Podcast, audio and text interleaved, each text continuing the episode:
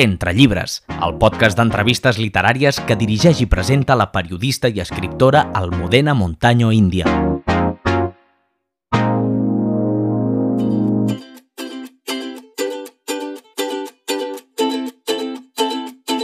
Molt bon dia, benvinguts a Entre Llibres. Em fa molta il·lusió entrevistar el convidat d'avui per tres motius. El primer és que és un dels autors que heu triat vosaltres, els oients, Fa uns dies vaig demanar que em proposéssiu quin autor volíeu que entrevistés i ràpidament va sortir aquest nom. En segon lloc, em fa molta gràcia fer l'entrevista perquè ja el primer capítol d'Entre Llibres va ser la recomanació literària que ens va proposar el llibreter Xavier Ros de la llibreria Satrancada de Blanes. I el tercer motiu, que em ve molt de gust parlar amb ell, és que ha escrit una obra mestra que es diu Guilleries, que comentaré avui. Segurament ja ho heu endevinat. Avui està entre llibres en Ferran Garcia. Amb en Ferran tindrem l'oportunitat de parlar de les seves tècniques literàries. Faré una lectura dramatitzada d'un fragment de Guilleries i també ens recomanarà un llibre. Comença l'entrevista. L'entrevista.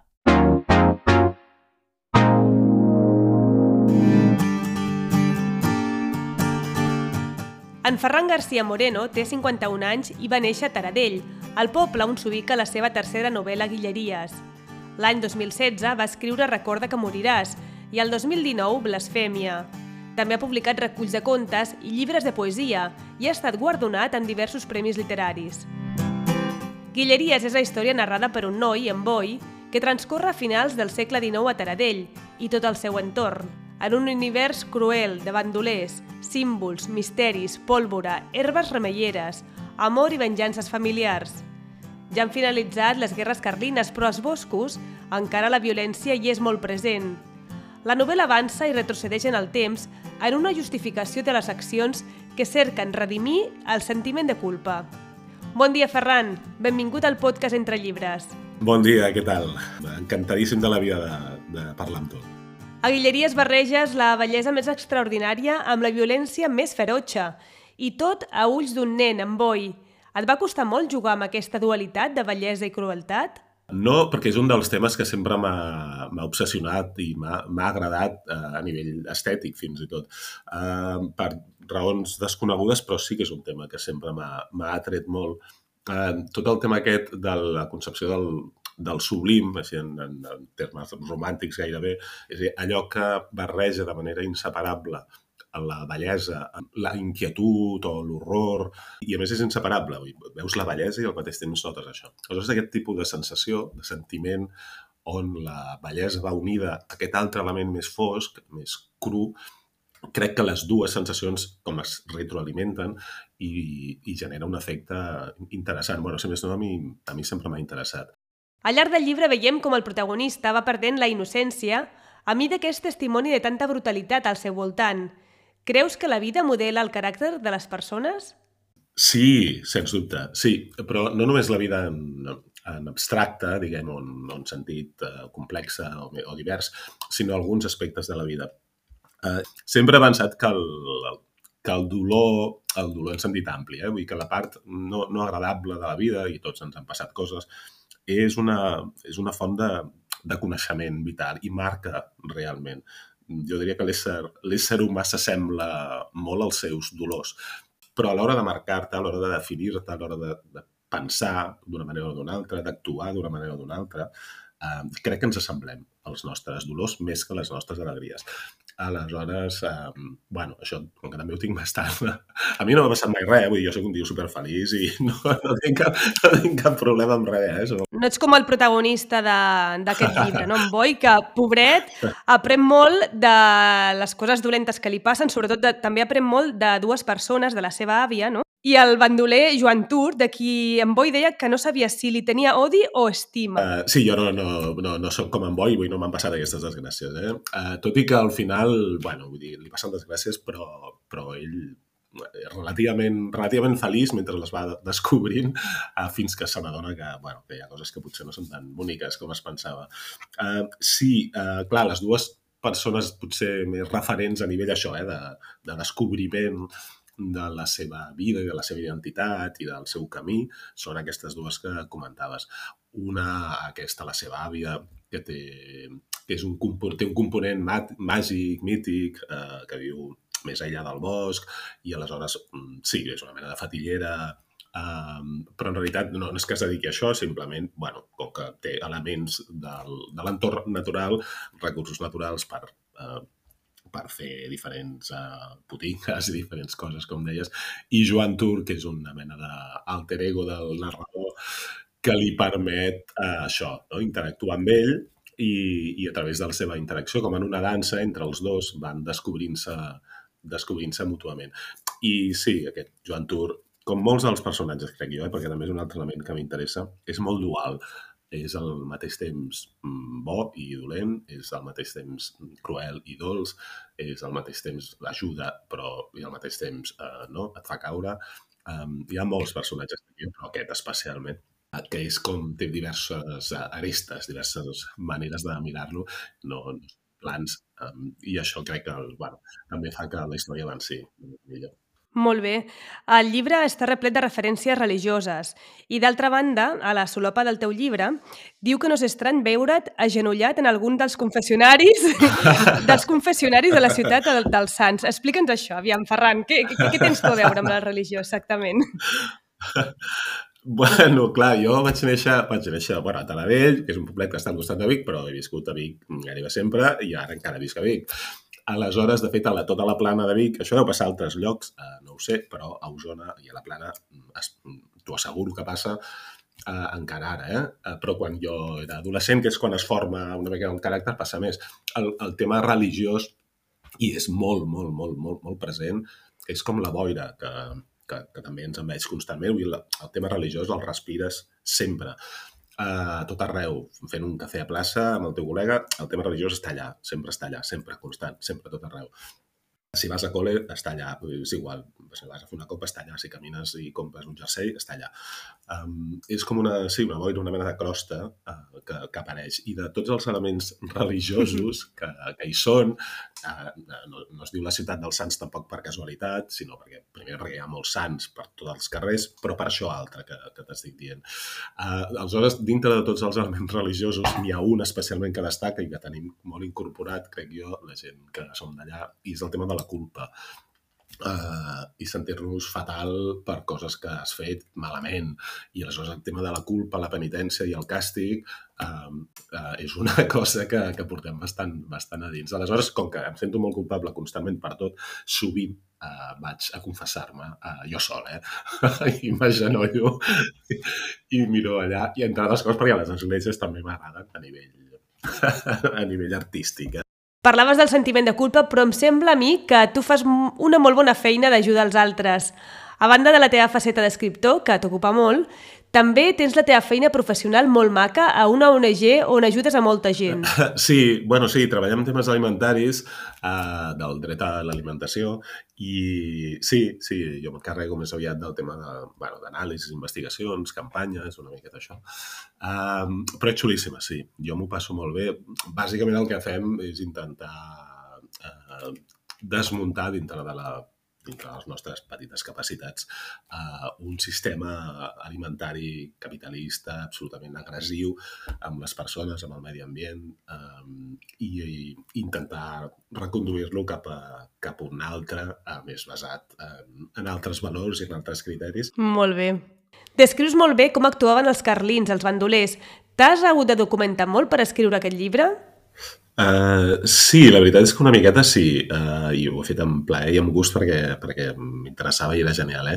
Sí, sobretot això, uh, bueno, quan, quan el situes, quan situes una història en un espai temporal que no és l'actual, també l'actual, eh? però si te'n vas més lluny, crec jo que, que, que és inevitable no? intentar bueno, preparar-te una miqueta, saber bueno, des de les coses més grans de context històric eh, i per tant què va passar quan, fins a les coses més petites de, jo què sé, com quin tipus de calçats es portava, a quin tipus de, això, si estaves malament què passava, com era una casa, eh, quin tipus, fins i tot miraven els boscos, bueno, quin tipus d'arbres hi havia, si eren els mateixos que ara no, si hi havia la mateixa flora, la mateixa fauna, eh, eh, eh, tot, eh, vull dir, el tipus d'armes que, es, que es portaven o que es podien portar.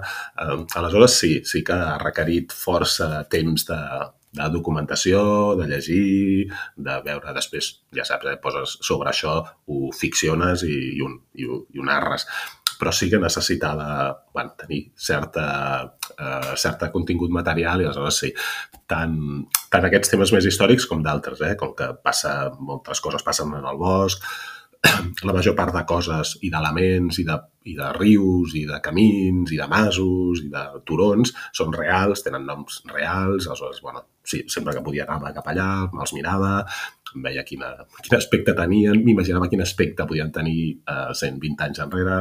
Eh, aleshores, sí, hi ha hagut molt de temps de, d'això, de capbussar-me en, en, en, en la història i veure, i veure una miqueta com, com després això ho traslladàvem a la història. Sí, sí que, sí que hi he dedicat força temps. Sí.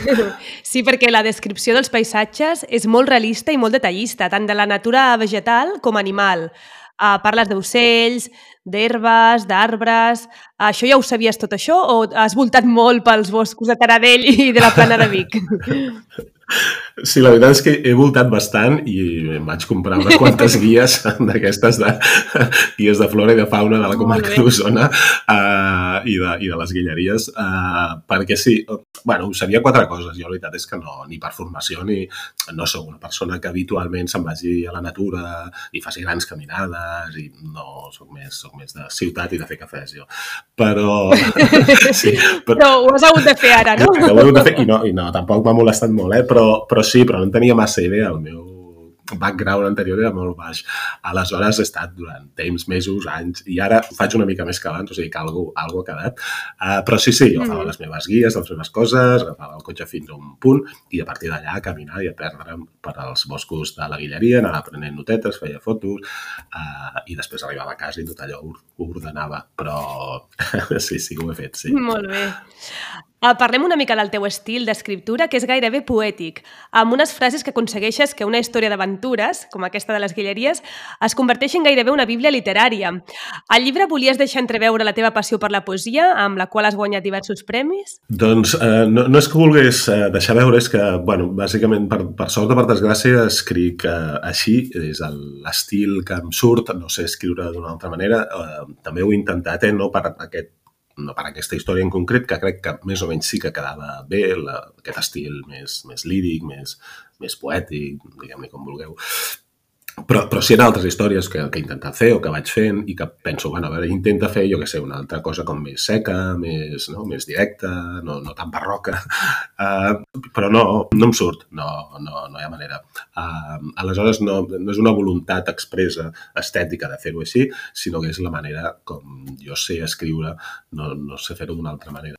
En moltes ocasions, jo, clar, jo tinc un problema, jo penso que les paraules són molt limitades, vull dir que bueno, són molt poderoses, però al mateix temps molt, molt limitades. Costa de vegades que et diguin exactament el que tu vols dir. I que, que potser tots ens, ens ha passat que no tens una idea al cap o tens una imatge al cap o estàs veient alguna o li vols dir a algú una cosa i a mesura que vas parlant et vas liant i no és exactament allò, t'hi acostes, s'hi assembla, però no és exactament allò perquè les paraules són el que són, no arriben fins on arriben. Aleshores, molts cops jo tenia una, una escena, la veia, tenir una imatge que la veia perfectament, una emoció, un sentiment, una mirada, que la veig, la veig perfectament als ulls del protagonista, intentes escriure-la en paraules i adjectius i bla, bla, i, uh -huh. i dius sí, sí, però no, sí, però no, sí, però no. I al final, quan utilitzes altres recursos més, sí, més poètics, més d'imatge, més, eh, no tant de narració estricta, pum, de cop sembla com, no? Apareix, a mi, si més no, em sembla que, que apareix més bé, que t'aproximes més bé a l'emoció que jo vull transmetre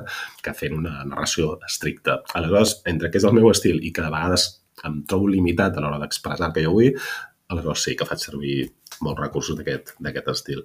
Sí, pels que encara no ho heu llegit, que sapigueu que trobareu frases molt profundes um, sobre la vida i l'amor, sobre la bondat, sobre el significat de la mare, no? la família, l'amor, són temes molt profuns, um, potser molt profuns per explicar-los un nen que va viure més ràpid del que hauria d'haver viscut, no, pobret? Sí, sí, sí. sí. Bona part del, uh, del, de l'eix motor de la història és justament aquesta. Jo diria que n'hi ha com dos. Una és la, la redempció, l'expiació sí, de pecats, i aquí diguéssim que en Joan Tur seria el, el cap porta aquesta motxilla i el que fa avançar aquest tipus d'emoció. I l'altre, que és el del narrador, d'en Boi, és una descoberta de si mateix, un, un pas de, de l'edat infantil a l'edat adulta d'una manera realment dramàtica i, i empentes, però hi ha aquest trànsit. Aleshores, aquest trànsit comporta exactament, crec jo, el que tu estaves dient ara. És com, eh, bueno, tu quan ets petit, eh, bueno, tu, jo què sé, no, no penses masses coses, no? Tu fas, jo què sé, lleves al matí, comences a fer coses i arriba la nit i te'n vas a dormir i ja està, i que ja has fet has jugat, has caigut, has barallat, has somrigut i ja està, però no, no hi ha metafísica en, en les coses. Però a partir de cert moment, eh, quan es produeix aquest trànsit, crec jo, sí que hi ha component, component més eh, metafísic, és a dir, ja, la ràbia ja no és ràbia, ja ets conscient de que estàs sentint ràbia i ja li, li afegeixes una sèrie de components. Uh, L'amor ja no és res, de cop apareix, apareix la, la mort, bueno, apareixen totes aquestes emocions més profundes, com deies, uh, sí, més metafísiques per entendre'ns, i un cop entren, com una gota de tinta que cau allà en un got, ja, ja no pots treure-te-les i ja formen part de tu. Aleshores, res del que era abans, aquesta innocència anterior, això ja desapareix per sempre, i al protagonista li passa una miqueta això. Crec que a mesura que va avançant, va descobrint eh, totes les nafres i les ferides de la gent que l'envolta i també les seves, i és aquest trànsit una miqueta cap a l'edat, cap a l'edat més adulta. Sí, sí, són frases molt maques, d'aquelles que has de subratllar i tornar-les a llegir, que ja, ja ho veureu els que llegireu d'aquí poc eh, aquesta novel·la. I pel que fa al tema més formal, destacaria que no hi ha capítols i que els diàlegs no estan precedits de guió. Per què aquest recurs literari? Sí, és veritat. És perquè a mi en general els guions aquests que passeixen els diàlegs en general, eh? encara no sé, deu sonar estrany, però em molesten una mica. Després, un cop has començat unes quantes pàgines, ja està, eh? te n'oblides i ja està. Però al principi, em, hòstia, em tiren en, enrere, saps? És com m'allunyen de la història. Em sembla ja sé que és la convenció, però a mi mm, em sembla com més artificiós. I després, com tantes altres coses, eh, entres ja en, en la ficció i ja te n'oblides de tantes coses. Però al principi, no sé, em grinyolen. Aleshores, eh, com que volia, i també això, aquesta estructura formal de capítols més curts, que no són ben bé capítols, eh, que flueix, és com una història explicada, Eh, del tirón, per entendre'ns, amb coses, en capítols molt curts que es van enllaçant un amb l'altre. El tema dels guionets i d'aquest tipus de diàleg més formal em trencava l'estructura i em trencava la fluidesa de la, de la narració. M'interessava, però sense que la persona que llegeix es perdés, eh? per tant, un cert equilibri. M'interessava que mentre tu vas llegint una descripció, per exemple, de cop algú parla i que i, però que no es separa, sinó que simplement tu estàs veient un paisatge o el que sigui i de cop algú comença a parlar i l'altre li respon i està tot en el mateix format, el mateix tipus, tu vas fluid, vas navegant per aquell paràgraf i, i es va parlant, pensant i, i descrivint, per exemple, al mateix temps amb, amb cert equilibri per, per això, eh, per no perdre's, però, però que segueixi tota la mateixa estructura. Vull m'interessava això, que fluís tot, que fos tot com d'un mateix pack, que tu pugessis a la pàgina 1 i anessis navegant fins a l'última sense, sense massa estridències estilístiques a nivell, a nivell gràfic um, i quedava així com més condensat. Um, bàsicament era per això. Perfecte, doncs perquè els oients d'Entre Llibres coneguin com escrius, escoltarem un fragment dramatitzat de la teva darrera obra que has triat tu mateix. Anem a escoltar-lo. La veu del llibre.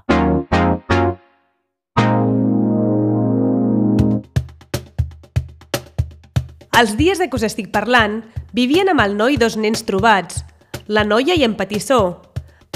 La noia tenia la meva edat i en Petissó devia tenir 7 o 8 anys. Fa de mal dir perquè era molt baixet i tenia les dents negres com les pues d'un rasclet després d'estripar la terra i agafar-ne els cucs. També tenia unes orelles molt grans. Per això la gent del poble el va començar a anomenar Petissó Orellut. La mirada del noi era estranya, però la d'en Petissó Orellut feia por, por de veritat. Li agradava fer mal, i això és l'única cosa que veia tothom, però també tenia por i plorava sovint. Això no ho veia ningú. Tampoc no sabien què li havia passat abans de ser acollit pel noi. Potser, si ho haguessin sabut, l'haurien mirat amb uns altres ulls.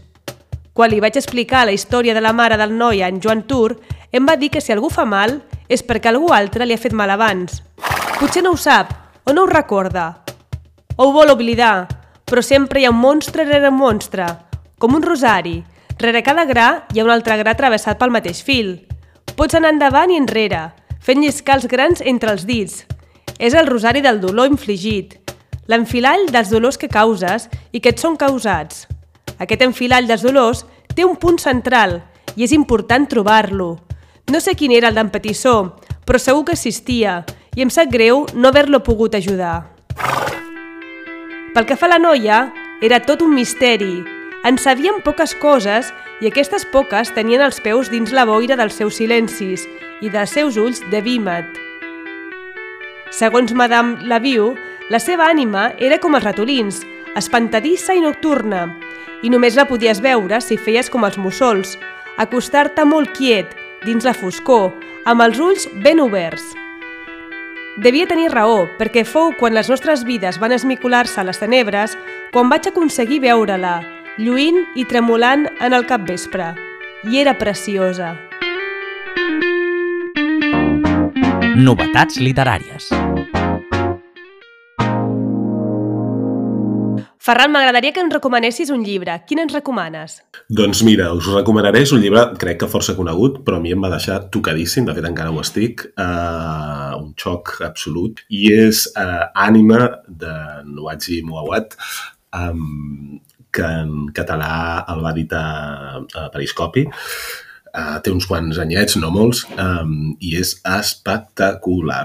Um, és uh, una miqueta el que hem anat parlant avui, potser per això m'agrada tant, eh? Uh, una barreja de bellesa, de dolor, uh, un viatge també iniciàtic, una recerca de culpa, tot amb un paisatge absolutament al·lucinant uh, i amb un tipus de veu, crec jo que potser el que el fa més especial, i és que està narrat eh, per diferents animals, cada capítol és un animal eh, que t'explica una part de la història. Eh, a més, cada animal té una veu eh, diferent, o sigui, els, els ocells, per exemple, parlen molt més ràpid que els cèrvols, per, per dir una cosa, i tot plegat, la manera com, com està construït a nivell formal, la història, la manera com ho explica, eh, tot plegat, eh, bueno, jo crec que és un llibre que sí o sí s'ha de, de llegir.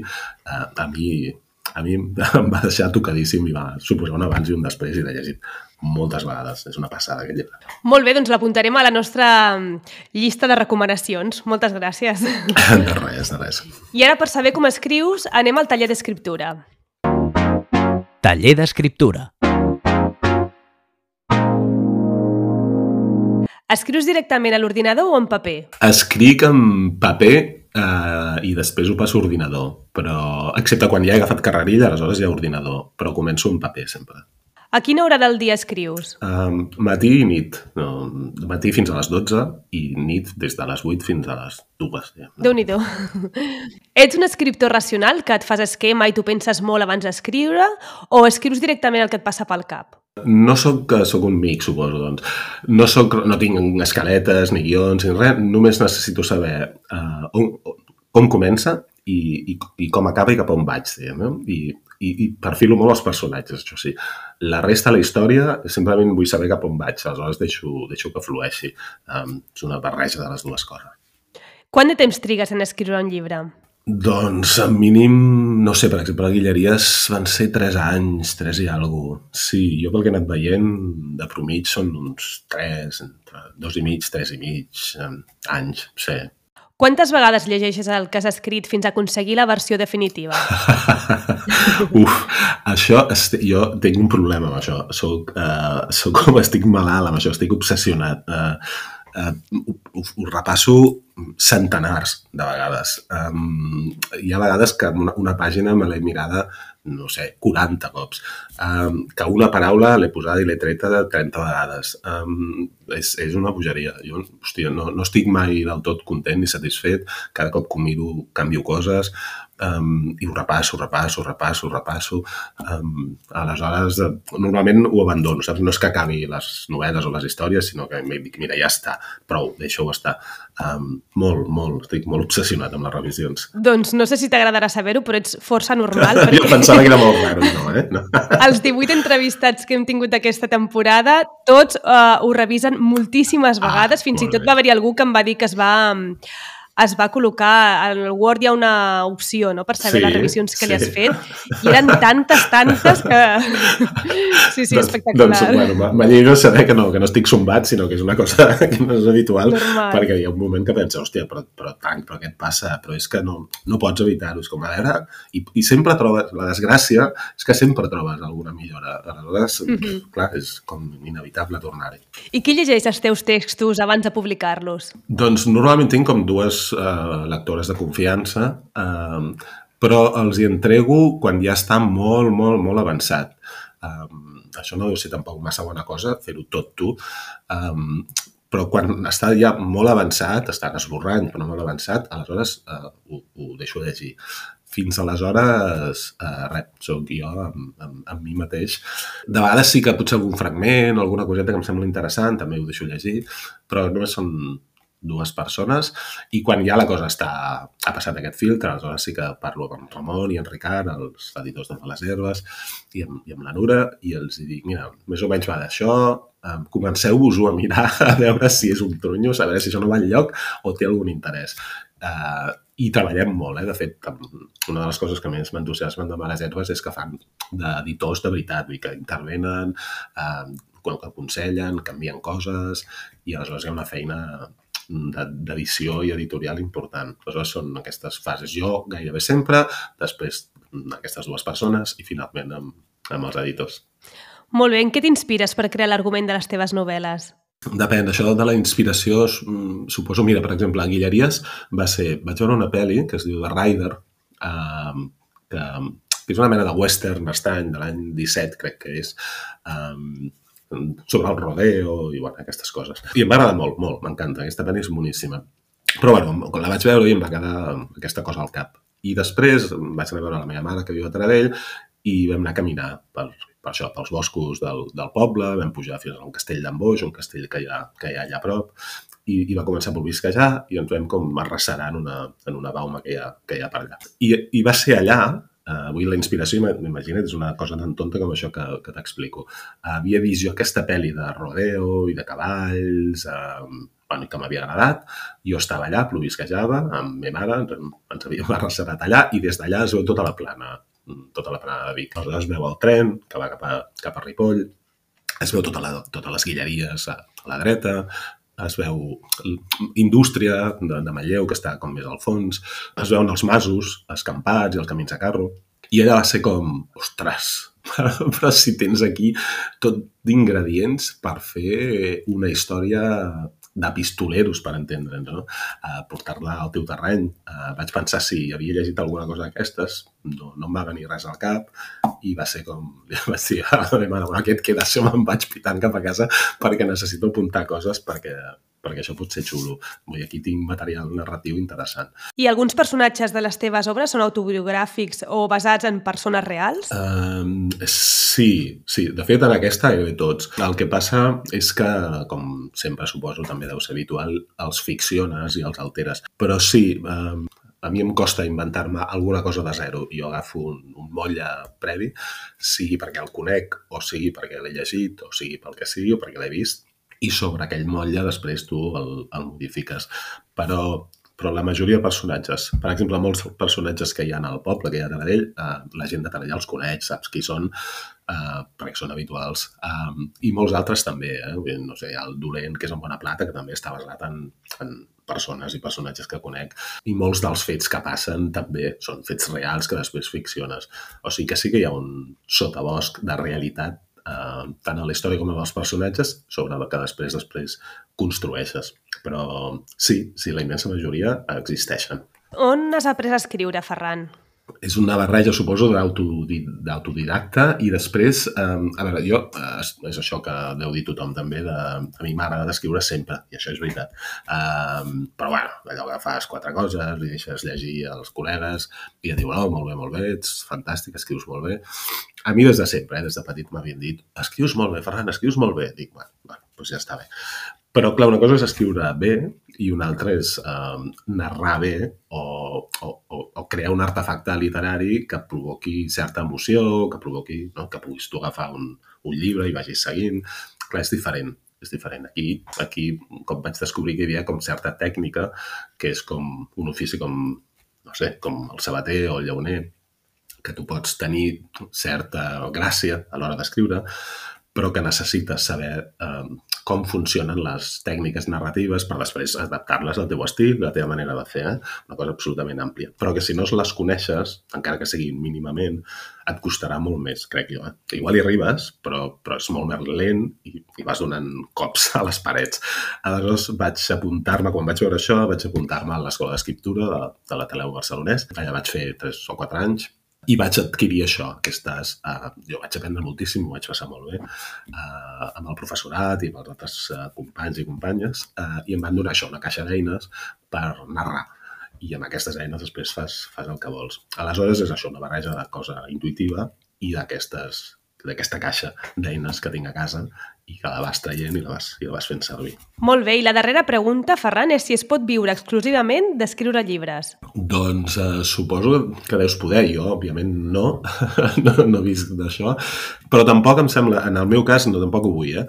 Um, Vull, la, a mi la literatura m'agrada moltíssim, llegeixo molt, m'agrada moltíssim escriure, però no només m'agrada la literatura. Aleshores, està tota la meva vida um, vivint en literatura o parlant de literatura o conversant sobre literatura o treballant de literatura, crec que no... Primera que m'avorriria i segona que em faltarien inputs del món extra literari per fins i tot incorporar-lo al món literari. Aleshores, en el meu cas, eh, quan els llibres més o menys funcionen, com és el cas de Guilleries, doncs home, va bé, perquè bueno, permeten tenir alguna cosa, però, però no, no, jo per sort tinc la meva feina i que et permet també això, anar molt més relaxat, crec jo, eh, a l'hora d'escriure o, de, o de crear alguna cosa, perquè no tens cap pressió de cap tipus. Fas una cosa que creus que a tu t'interessa, que pot interessar, però la fas amb absoluta llibertat i sense cap pressió. En general, a Catalunya creus que es pot viure escrivint llibres? No, jo diria que no. No, no, a menys, a menys que siguis un, uh, un rockstar, um, no, no. Jo, la gent, la major part de gent que conec, el que fa és això, eh, combinar l'escriptura amb altres aspectes literaris, des de classes, correccions, eh, traduccions, coses d'aquestes. Aleshores, si fas tot això, potser sí que pots viure del món literari. D'escriure llibres, no. Això està clar. Molt bé, Ferran, doncs moltíssimes gràcies per estar avui al podcast Entre Llibres. Ha estat un plaer conversar amb tu. bueno, moltíssimes gràcies a, a tu. El plaer és, és meu, és, és una passada, gràcies. I no sé si ens volies explicar algun projecte futur, avançar-nos alguna novetat literària que tinguis pendent? Sí, uh, bueno, fins fa pocs dies no, no tenia massa res, uh, però des de fa això, una setmaneta sí. Um, I és com, bueno, sempre em pregunto si vull estar els propers 3 o 4 anys ficats en un tema, parlant d'una sèrie de coses amb uns personatges, i fins fa poc era, la resposta era no, però ara sí, aleshores sí, és un, des de fa una setmaneta sí. Molt bé, i què és? A veure... Bueno, té a veure amb, amb les mateixes obsessions de sempre, de fet. Eh? És això de la culpa, el, el retorn... Um, um, no sé, hi ha, una, hi ha una pel·li molt famosa, no sé si, si l'has vist o, o l'heu vist, que és Paris, Texas. Um, sí. Sí, bueno, doncs no, no té res a veure amb el context ni amb el format, però sí en l'emoció. És imagina't algú que li ha passat alguna cosa, que, des, que no, té un sentit de culpa, ha destruït alguna cosa i ha de tornar a, a un poble, en aquest cas, a, per una sèrie de coses, i aleshores ha d'enfrontar-se a tots els seus fantasmes, a un passat que, per molt que hagis fugit, allà està, i has d'intentar reconstruir una sèrie de peces um, sí o sí. Um, bueno, és igual, això és més o menys el context. Um, però, però aquest tema del retorn a un lloc que, del que havies fugit per una sèrie de coses i que, bueno, pues, al passat, saps? Et truca a la porta, toc, toc, ei, que sóc aquí, uh, i això ho havies deixat de mitges, uh, bueno, doncs em sembla interessant. Uh, i, i Molt estem. bé, doncs estàs treballant en això, doncs moltes gràcies per aquesta primícia que tenim aquí entre llibres. I estarem pendents de quan surti aquest llibre, ja, ja ens avisaràs per poder Molt tornar bé. a parlar amb tu. Genial, doncs serà un plaer. Doncs Ferran, moltes gràcies i una forta abraçada. Fins a propera. gràcies a vosaltres. Fins ara. I amb aquesta primícia d'en Ferran Garcia ens acomiadem del capítol d'avui. Recordeu que el podeu escoltar a les principals plataformes de distribució. Si us ha agradat, us convido a que el compartiu amb els vostres amics i familiars. Així m'ajudeu a fer créixer el programa. També us podeu subscriure i us avisaré quan hi hagi un nou capítol. Ens trobem en 15 dies amb una entrevista a un escriptor en llengua catalana. Aquest darrer també l'heu triat vosaltres, els oients d'Entre Llibres. Serà la darrera entrevista d'aquesta temporada. Que vagi bé, gaudiu de la lectura! Entre llibres, el podcast amb entrevistes als escriptors del moment en llengua catalana.